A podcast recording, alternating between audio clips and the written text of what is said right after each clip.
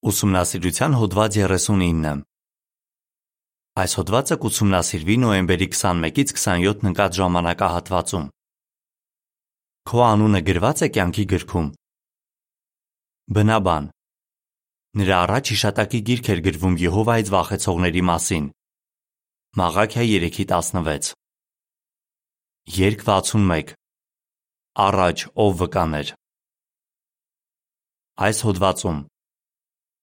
Այս հոդվածում ճշգրտվում է Հովանես 5:28 եւ 29 համարներում գրված Հիսուսի խոսքերի բացատրությունը կյանքի հարության եւ դատաստանի հարության վերաբերյալ։ Կիմանանք թե ինչ են նշանակում դրանք եւ ում են վերաբերում։ Բարբերություն 1 Հարց. Մաղաքիա 3:16-ի համաձայն Ինչ գիրք ունի Եհովան եւ ինչ է այնտեղ գրված։ Եհովան մի յուրահատուկ գիրք ունի, որում մարդկանց անուններ են գրված։ Անունների այդ ցանկը սկսվում է նրա առաջին հավատարիմ վկայի՝ Աբելի անունով։ Ծանոթագրություն. Կյանքի գիրքը սկսել է գրվել աշխարհը հիմնվելուց ի վեր։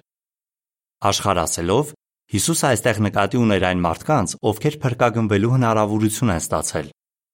Ոստի արդար Աբելը ակներևաբար առաջինն է, ում անունը գրվել է կյանքի գրքում։ Ծանոթագրության ավարտ Հազարամյակներ էին Ջեհովան անունները ավելացնում այդ գրքի մեջ։ Այսօր դրանց թիվը հասնում է միլիոնների։ Աստվածաշունչը այդ գիրքը կոչում է հիշատակի գիրք կամ կյանքի գիրք։ Կարդանք Մաղաքիա 3-ի 16-ը։ Այդ ժամանակ Եհովայից վախեցողները խոսում էին իրար հետ։ Յուրաքանչյուրն իր ընկերոջ հետ։ Իսկ Եհովան ուշադիր լսում էր։ Եվ նրա առաջ հիշատակի գիրք էր գրվում Եհովայից վախեցողների ու նրա անվան շուրջ խորհրդածողների մասին։ Բարբերություն 2 Հարց. Ում անուններն են նշված կյանքի գրքում եւ ինչ կարող ենք անել, որ մեր անուններն էլ այնտեղ գրվեն։ Այդ յուրահատուկ գրքում գրված են բոլոր նրանց անունները, ովքեր վախենում կամ ակնածում են Եհովայից եւ թանկ են համարում նրա անունը։ Նրանք հավիտենական կյանք ստանալու հնարավորություն ունեն։ Մեր անուններն էլ կգրվեն այդ գրքում, եթե Հիսուս Քրիստոսի խավից զոհաբերության հիման վրա մտերիմ փոխհարաբերություններ զարգացնենք Եհովայի հետ։ Անկախ նրանից հույս ունենք ապրելու երկնքում, թե երկրի վրա, բոլորս էլ ուզում ենք, որ մեր անունները այնտեղ լինեն։ Նկարի մակագրության մեջ ասվում է. Մարդկության պատմության հենց սկզբից Եհովան անուններ է գրում կյանքի գրքում։ Բարբերություն 3-ից 4 Հարց Ա. Եթե մեր անունները կյանքի գրքում են, արդյոք դա նշանակում է, որ մենք ինքնաբերաբար հավիտենական կյանք կստանանք։ Բացատրիր։ Հարց Բ. Ինչ ենք քննելու այս եւ հաջորդ հոդվածներում։ Եթե մեր անունները արդեն իսկ կյանքի գրքում են, արդյոք դա նշանակում է, որ մենք ինքնաբերաբար հավիտենական կյանք կստանանք։ Այս հարցի պատասխանն իմանալու համար հիշենք, թե Եհովան ինչ ասաց Մովսեսին։ Ելք 32-ի 33-ում կարդում ենք նրա խոսքերը. Ով մեղք է գործել իմ դեմ, ես նրան կջնջեմ իմ գրքից։ Փաստորեն հնարավոր է լինեն անուններ, որ ջնջվեն այդ գրքից, քանի որ Եհովան դրանք ասես մատիտով է գրում։ Ոստի մենք պետք է այնպես անենք, որ մեր անունները մնան այդ գրքում, ինչեւ որ վերջնականապես հաստատվեն անջնջելի թանակով։ Բնականաբար գուցե որոշ հարցեր առաջանան։ Օրինակ, ինչ է ասում Աստվածաշունչը նրանց մասին, ում անունները գրված են կյանքի գրքում, եւ նրանց մասին, ում անունները այնտեղ չկան։ Իսկ նրանք, ում անունները նշված են այդ գրքում, երբ կստանան հավիտենական կյանք։ Ինչ կարելի ասել նրանց մասին, ովքեր նախքան մահանալը հնարավորություն չեն ունեցել ճանաչելու Եհովային։ Հնարավոր է, որ նրանց անունները նույնպես գրվեն այդ գրքում։ Այս եւ հաջորդ հոդվածներից կիմանանք նշված հարցերի պատասխանները։ Ում անուններն են գրված։ Բարբերություն 5-ից 6 Հարց Ա.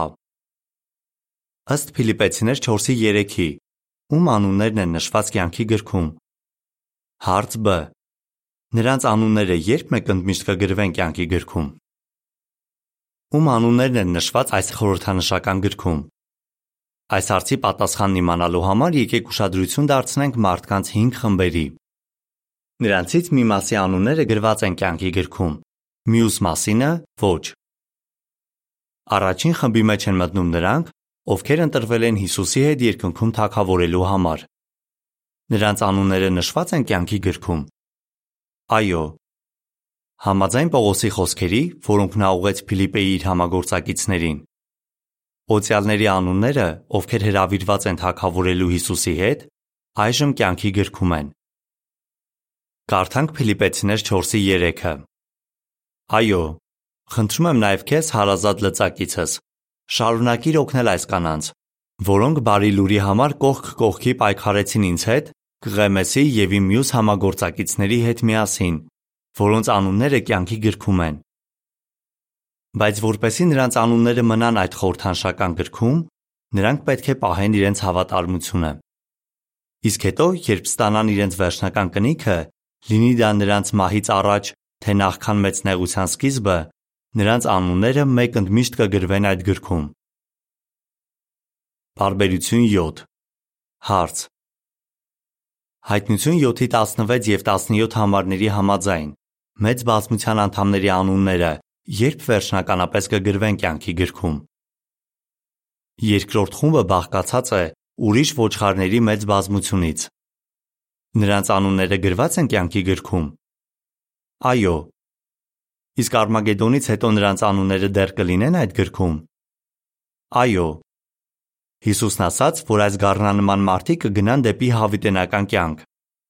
Բայց Արմագեդոնից վերապրածները անմիջապես հավիտենական կյանք չեն ստանա, նրանց անունները դեռ մատիտով գրված կլինեն։ Հազարամյա իշխանության ընթացքում Հիսուսը կհովի նրանց ու կառաջնորդի դեպի կյանքի ջրի աղբյուրները։ Կյանքի գրքում անջնջելի թանակով կգրվեն միայն նրանց անունները, ովքեր կհետևեն Քրիստոսի տված առաջնորդությանը եւ վերջնական փորձության ժամանակ հավատարիմ կմնան Եհովային։ Կարդանք հայտնություն 7:16-ը եւ 17-ը։ Նրանք այլևս չեն սովածանա, չեն ծարավի։ Արևը եւ հեղձուցիչ տապը նրանց չեն այրի, որովհետև գառը, որ գահի մոտ է, կհովի նրանց ու կառաջնորդի դեպի կյանքի ջրի աղբյուրները։ Եվ Աստված նրանց աչքերից կսրբի ամեն արտասուք։ Բարբերություն 8 Հարց. Ում անունները գրված չեն կյանքի գրքում եւ ինչ է լինելու նրանց։ Երորդ խումբը կազմված է այծերից, որոնք կկործանվեն Արմագեդոնի ժամանակ։ Նրանց անունները նշված չեն կյանքի գրքում։ Հիսուսն ասաց, որ նրանք կգնան դեպի հավիտենական մահ։ Մատթեոս 25:46 Աստծո ներշնչմամբ Պողոսն ասաց, որ նրանք կենթարկվեն հավիտենական կործանման դատապարտությանը։ Երկրորդ Թեսաղոնիկեցիներ 1:9 Այս խոսքերը վերաբերում են նաև նրանց, ովքեր դիտավորյալ մեղք են գործել Սուրբ Ոգու դեմ։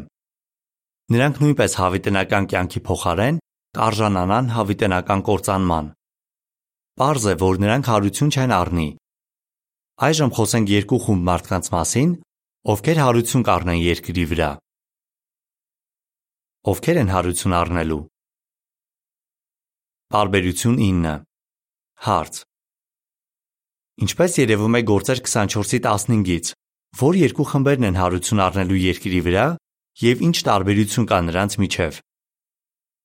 Աստվածաշնչում խոսվում է երկու խմբերի մասին, որոնք հարություն են առնելու եւ երկրի վրա հավիտյան ապրելու հերանեկար են ունենալու։ Այդ երկու խմբերն են արդարները եւ անարդարները։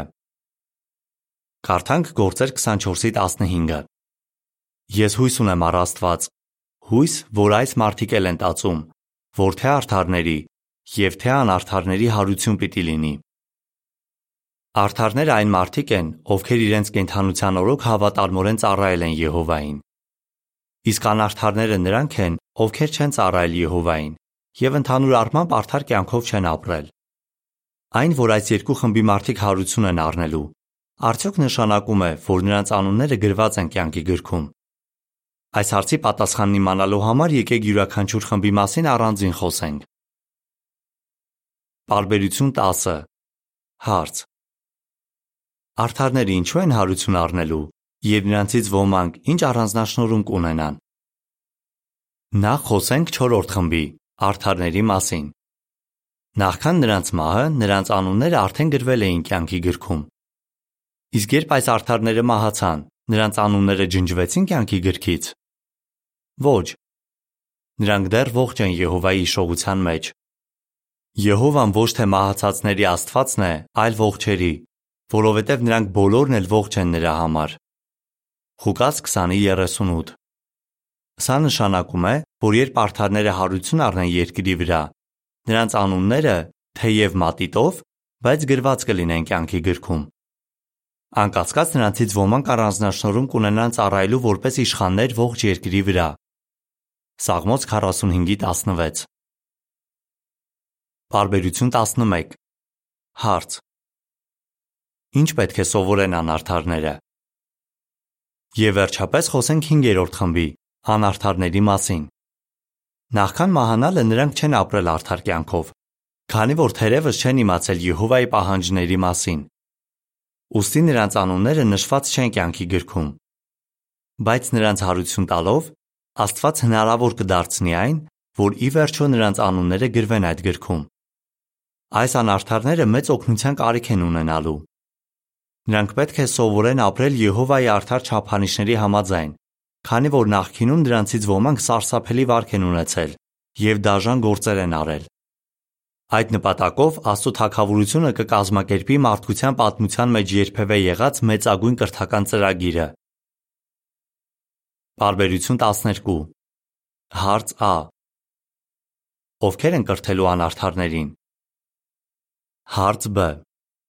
Ինչ կլինի նրանց, ովքեր կհրաժարվեն կիրառել իրենց սովորածը։ Իսկ ովքեր են կրթելու անարդարներին։ Մեծ բազմությունը եւ հարություն առած արդարները։ Որպեսզի անարդարների անունները գրվեն կյանքի գրքում, նրանք պետք է մտերիմ փոխհարաբերություններ զարգացնեն Եհովայի հետ եւ իրենց անձը նվիրեն նրան։ Հիսուս Քրիստոսը եւ նրան օգնող դատավորները ուշի ուշով կհետևեն թե ինչպես են անարդարները արձագանքում իրենց ստացած կրթությանը։ Նրանք, ովքեր կհրաժարվեն իրենց տրամադրվող օգնությունից, նույնիսկ եթե 100 տարեկան լինեն, կզրկվեն ապրելու հնարավորությունից։ Եհովան եւ Հիսուսը կարող են սրտեր կարդալ, ուստի թույլ չեն տա, որ ինչ որ մեկը նոր աշխարհում որևէ վնաս պատճառի։ Կյանքի եւ դատաստանի հարություն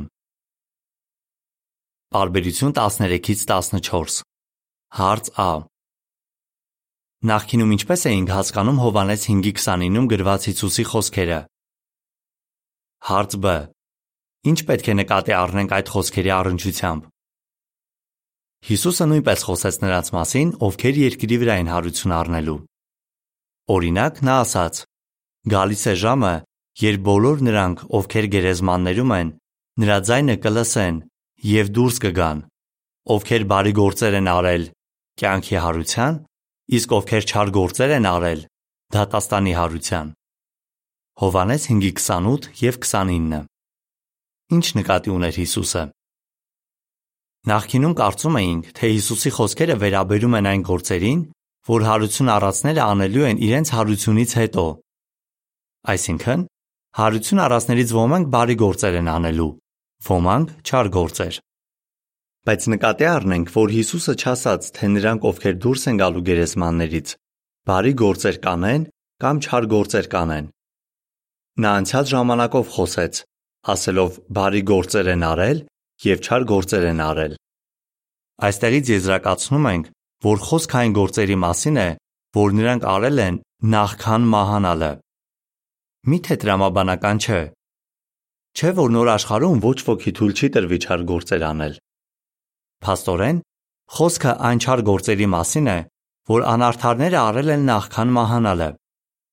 Այդ դեպքում ինչ նկատի ուներ Հիսուսը, ասելով կյանքի հարություն եւ դատաստանի հարություն։ Բարբերություն 15 Հարց. Ովքեր են կյանքի հարություն ստանալու եւ ինչու։ Արթարները, ովքեր նախքան մահանալը բարի գործեր են արել, կստանան կյանքի հարություն, քանի որ նրանց անունները արդեն գրված կլինեն կյանքի գրքում։ Սա նշանակում է, որ Հովանես 5:29-ում նշված հարություն առածները, ովքեր բարի գործեր են արել, Գործեր 24:15-ում նշված արդարներն են։ Նկատի առնենք, որ Հռոմեացիներ 6:7-ում ասվում է. նա ով մահանում է, ազատվում է մեղքից։ Այսինքն, երբ այս արդարները մահացել են, Եհովան ջնջել է նրանց մեղքերը, սակայն նրա հիշողության մեջ մնացել է նրանց հավատարիմ ընթացքը։ Դրա համար էլ նրանց անունները գրված են կյանքի գրքում։ Բայց ինչ խոսք, նոր աշխարհում արդարները պետք է շարունակեն հավատարիմ լինել, որպեսզի իրենց անունները մնան այդ գրքում։ Բարբերություն 16 Հարց. Ինչ է դատաստանի հարությունը։ Իսկ ինչ կարելի ասել նրանց մասին, ովքեր չար գործեր են արել նախքան մահանալը։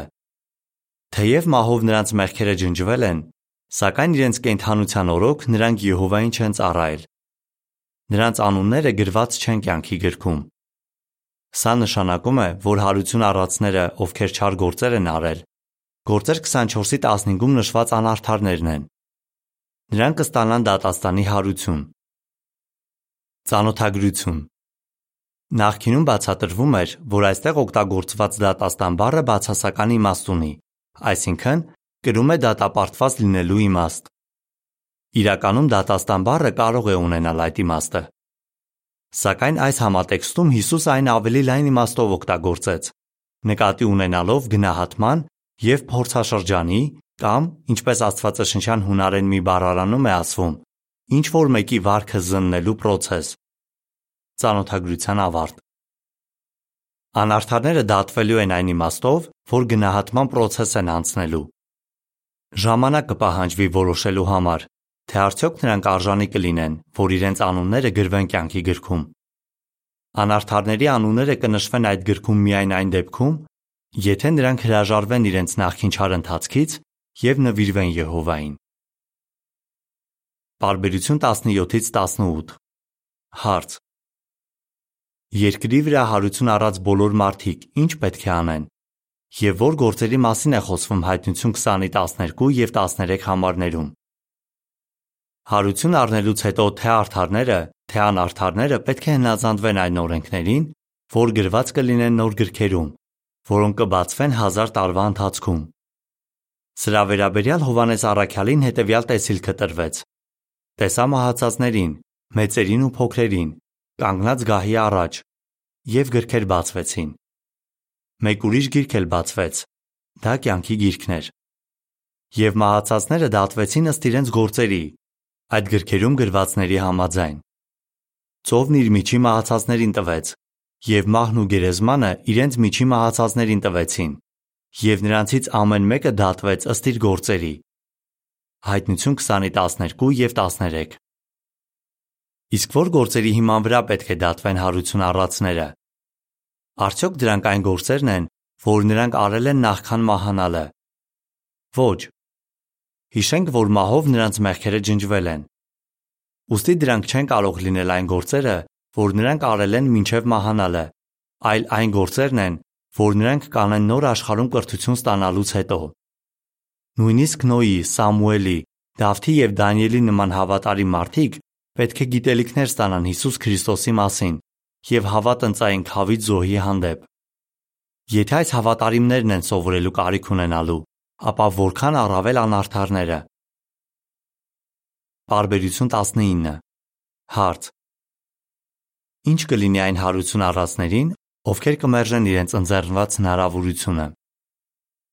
Իսկ ինչ կլինի այն հարություն առածներին, ովքեր կհրաժարվեն իրենց ընձեռնված հնարավորությունից։ Հայտնություն 20-ի 15-ում ասվում է. Նա ով գրված չէր կյանքի գրքում, կրակի լիճը գցվեց։ Նրանք վերջնականապես կկործանվեն։ Ուրեմն որքան կարևոր է ամեն ջանք թափել, որ մեր անունները գրվեն կյանքի գրքում եւ մնան այնտեղ։ Բարբերություն 20 Հարց. Ինչ գործ է իրականացվելու հազարամյա իշխանության ընթացքում։ Ինչ հիանալի ժամանակներ են մեզ սպասում հազարամյա իշխանության տարիներին։ Այդ ընթացքում կիրականացվի երկրի վրա երբևէ ծավալված մեծագույն կրթական գործը։ Բացի այդ, թե արդարները, թե անարդարները պետք է փաստեն, որ ցանկանում են ապրել Եհովայի չափանիշներով։ Բայց ինչպես է իրականացվելու այդ կրթական գործը։ Հաջորդ հոդվածը կօգնի մեզ գտնել այս հարցի պատասխանը եւ թանկ համարել այդ հրաշալի նախաձեռնությունը։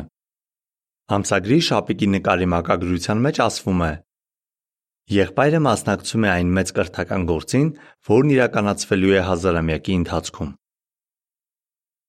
Կրկնության հարցեր։ Ինչ կպատասխանես։ Ում անուններն են գրված կյանքի գրքում։ Ինչ է կյանքի հարությունը։ Ինչ է դատաստանի հարությունը։ Երկ 147 Խոստացված հավիտենական կյանքը Հոդվացի ավարտ